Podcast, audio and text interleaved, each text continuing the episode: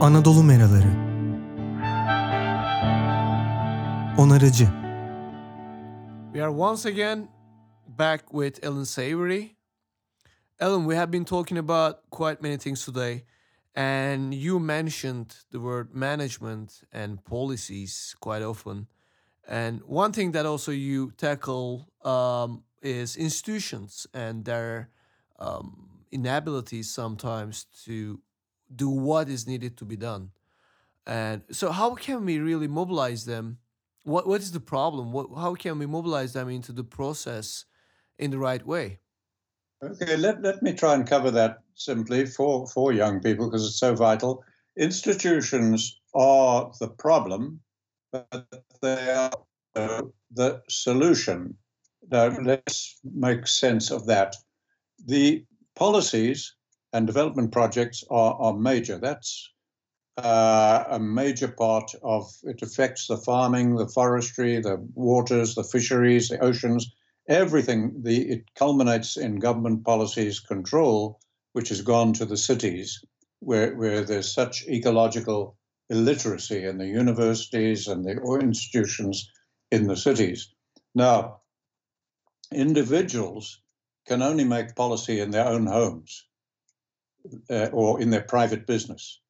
So all individuals can't make policy that affects the whole of agriculture and the future of our young children. That is done at institutional level. Now, then they become critical. So we we develop our institutions for very good reason because we can pool capital, we can do things through organizations that the individual just can't do at a scale that is needed. So we have to have our organizations, they have to be part of the solution. Now, where there becomes a problem is that when we form an institution or an organization, it immediately takes on a life of its own. No organization, institution behaves like a human being would behave. When an organization kills millions of people, nobody is tried for murder. If an individual kills one person, they are tried for murder. An institution can do enormous damage to the world and never be held accountable. An institution can bankrupt the whole institution and put thousands of people out of work, etc. And the people who did that, the top management of the institution, get millions of dollars of reward for doing that and the people in the institution who were displaced or when it collapsed get nothing. So you see, nothing there functions like a human being would normally do. Um, now, but we have to have them. Now, institutions, if you look at system science, are defined as complex soft systems. So they're one of the things we have to manage. Now, because they are complex, all right, and have a life of their own, do not behave like a human, they also have what the system scientists call wicked problems. It doesn't mean amoral, evil problems, it means problems that are almost impossible to solve. Now, there are three wicked problems of organizations that are endangering all young people in the world today. So let me cover them briefly. One, the first one is that our institutions reflect the views of society in which they formed. So society believes in technology. So go into any organization, environmental, cattlemen's, sheepherders, eh, government, whatever and you will find the latest cell phones, the latest computers, the latest software, the latest, the latest, the latest technology, because we believe in technology. So when we take that further, uh, people believe in planting trees. So when that uh, lady in Kenya so deservedly got the Nobel Prize for planting trees, you can see why. Because people believe in planting trees using technology to plant trees. Now, if you somebody comes up with a an idea, a counterintuitive idea, as Semmelweis did when he discovered by washing his hands after cutting up corpses, he could save thousands of women's lives. So he came up with counterintuitive, paradigm shifting knowledge at that time. The institutions, the experts within the institutions, ridiculed, mocked, and he died in a mental asylum. The fellow who discovered longitude, Galileo, it doesn't matter who you look at. If somebody comes up with truly paradigm shifting, counterintuitive insights that society doesn't believe, then our institutions lead the ridicule, the condemnation, the opposition, finally apathy, etc. And institutions cannot do otherwise. It's a wicked problem. That is why not a single environmental organization in the world or cattlemen's organization in the world has done anything but oppose me for years. They should have been the first to support, but they won't, and they will be the last. Even though thousands of cattle men did and thousands of environmentalists supported me, not their institutions. And so universities, everything, including my own university, just reject me. All right, that's normal behavior. Nobody is being evil. It doesn't matter how many facts you produce, it doesn't matter how much data you produce, it doesn't matter how many millions of lives are lost, it doesn't matter what the danger to the world. I cannot find a single case where any organization, institution, large one, has changed before public opinion changes. So we have to deal with that problem. That's why there's been such rejection and ridicule from institutions to the idea that livestock can reverse desertification. In fact, are the only thing that can. So that's a wicked problem that we have to contend with. The, one of the best examples of that that's often quoted is the Royal Navy.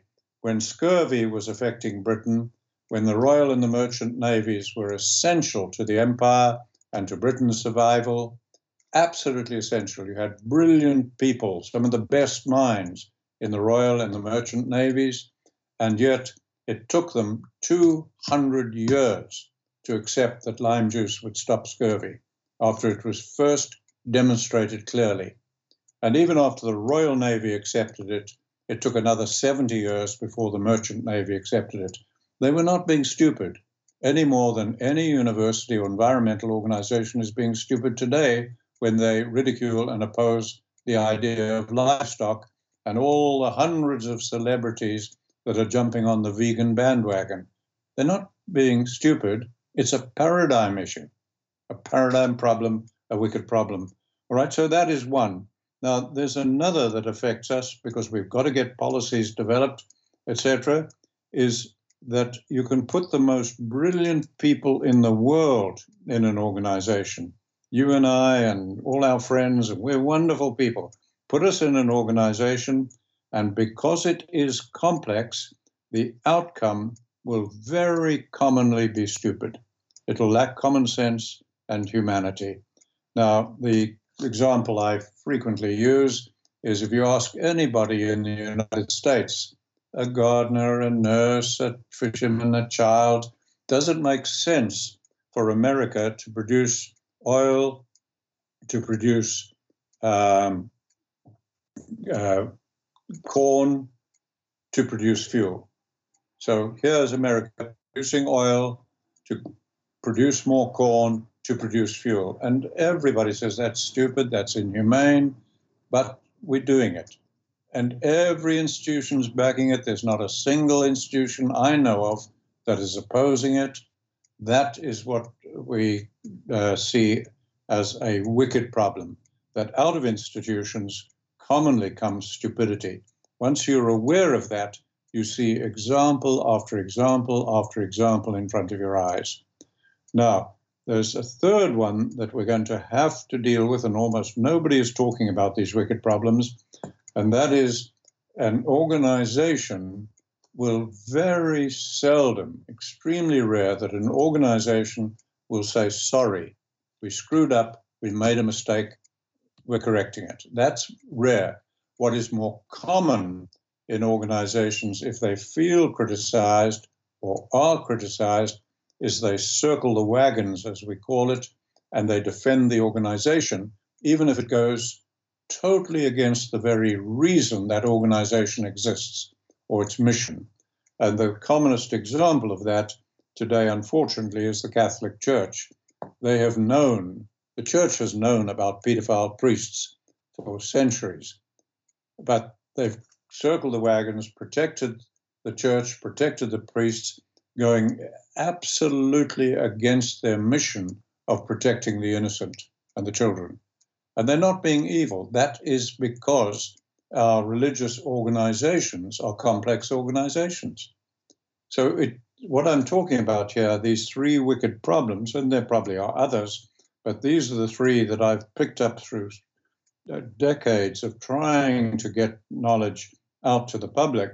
These are three that we're going to have to deal with. Now, the first, the uh, being watertight to new paradigm shifting knowledge, is what you're battling with. It's what I'm battling with. It's why I agree to give this interview is to try to get knowledge out in every way we can so that the young Greta Thunbergs of the world can pick it up and move with it. The t- TED talk that I gave in 20 minutes by going viral to millions of people, and it's still being viewed by over 2,500 people every day, that in 20 minutes did more than thousands of us fighting academic resistance, institutional resistance of environmental organizations, cattlemen's organizations, universities, etc., for 50 years. In 20 minutes, we did more good by going viral to the public, to whom it made common sense. Right? So that's what we're talking about. That problem we'll probably never overcome. I think the other two, that we what we do becomes stupid so often, and how we circle the wagon and defend the institution. I think these two are going to be capable of solution. I think You'll notice I'm saying I think. I do not know this for certain, but I'm deeply suspicious that to some extent these are symptoms of reductionist management. And if they are, then future generations will be able to solve them with the holistic framework, I think. Yeah, but we don't have that much time, right? We don't have 200 years, for instance. So, uh, are you really hopeful that we can do that on time?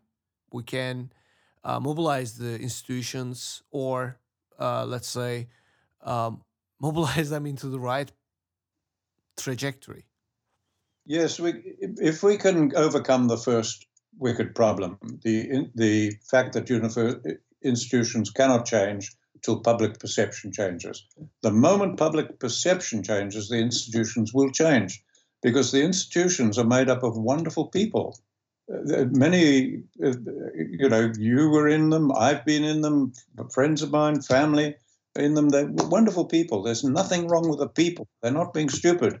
It's how the organization functions. They cannot change it. Now, they are also family people. They're out there in the public. And with them and all of us, when just as human beings, we're saying when it doesn't make sense for management to continue to be reductionist.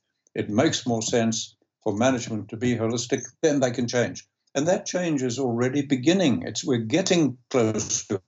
There's already the first university-led hub in our global movement of locally led and managed holistic management hubs. And there are thousands of people in universities and academia, etc., who helped me over the years of developing the holistic framework. So the good people are in these institutions. They cannot change it, but we can together. And that's why I put out a recent blog on this why the world is in chaos and leaderless. It's because when you're shifting paradigm from a mechanistic worldview to a holistic worldview, the leadership simply cannot come from any institution, from any politician or anything like that. People keep calling on politicians to lead, as Greta Thunberg and these young people are doing, they're wasting their time. Politicians can't lead if they understood wicked problems.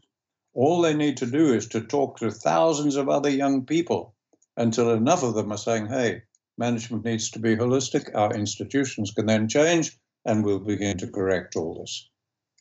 The only hope, the only hope lies in shifting public opinion so that policies can change in institutions. And universities and academia seem to me like, you know, they are the hardest one to penetrate into. Would you agree on that? Yes, they are for a couple of reasons. One is the, the problem that they are just institutions.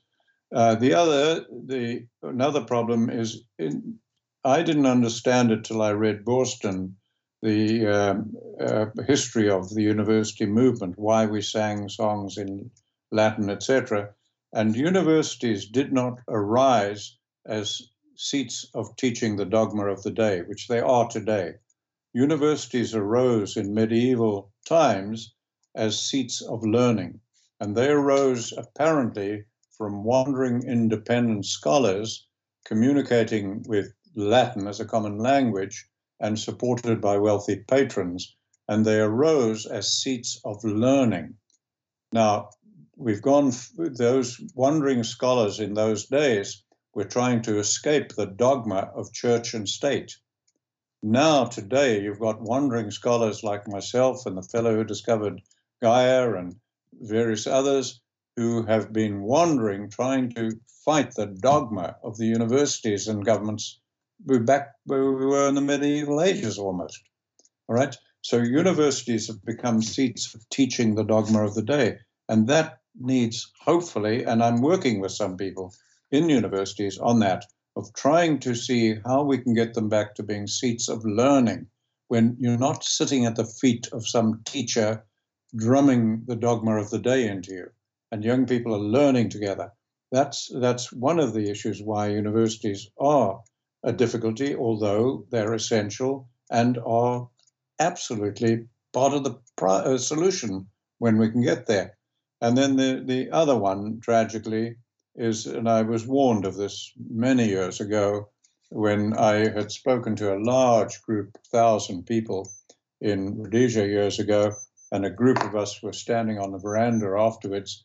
And one uh, in that group, somebody said, Allan, why is there such opposition to what you're saying? And before I could reply, somebody said vested interests. And I immediately corrected them and said, no, I'm sorry, this to this day, and still to this day, no financial vested interest has ever opposed what I'm saying. Nobody has. And so I, I don't understand it. And somebody who was in the group and was a lot wiser than the rest of us said, Allan, you are wrong. He said, You're up against the biggest vested interest in the world. And I said, Well, I'm sorry, you've got to enlighten me. I don't even know what that is. And he said, Professional people's pride, egos and uh, I'm afraid the egos of our experts in universities who pin their self esteem to their status in the university are, as that fellow said 50 years ago, the biggest vested interest in the world. Well, I hope that none of us become that much of an expert with that kind of uh, level of ego. Yeah, you better shoot me if I ever become an expert at anything. Okay, I will. I will not shoot you, but I will remind you that. well, Ellen, it was a great pleasure to be with you and to host you. Thank you very much for joining us. And for everyone, uh, Ellen is writing uh, on savory.global, the website, on his blog. And he gets very much into details on all these topics that we have been talking during those episodes. So I highly recommend you to get go there and check and they can get more from my public uh, Facebook page too, because I plan to put more stuff out there these days. Because I just uh, am so frantic about how we could change policies and get young people to understand it. Yeah, I hope so. I hope the message will be spread. Thank you all for listening to us, and thank you, Ellen, for being with us today. Thank you, Durka. I hope we get this out to lots of young people.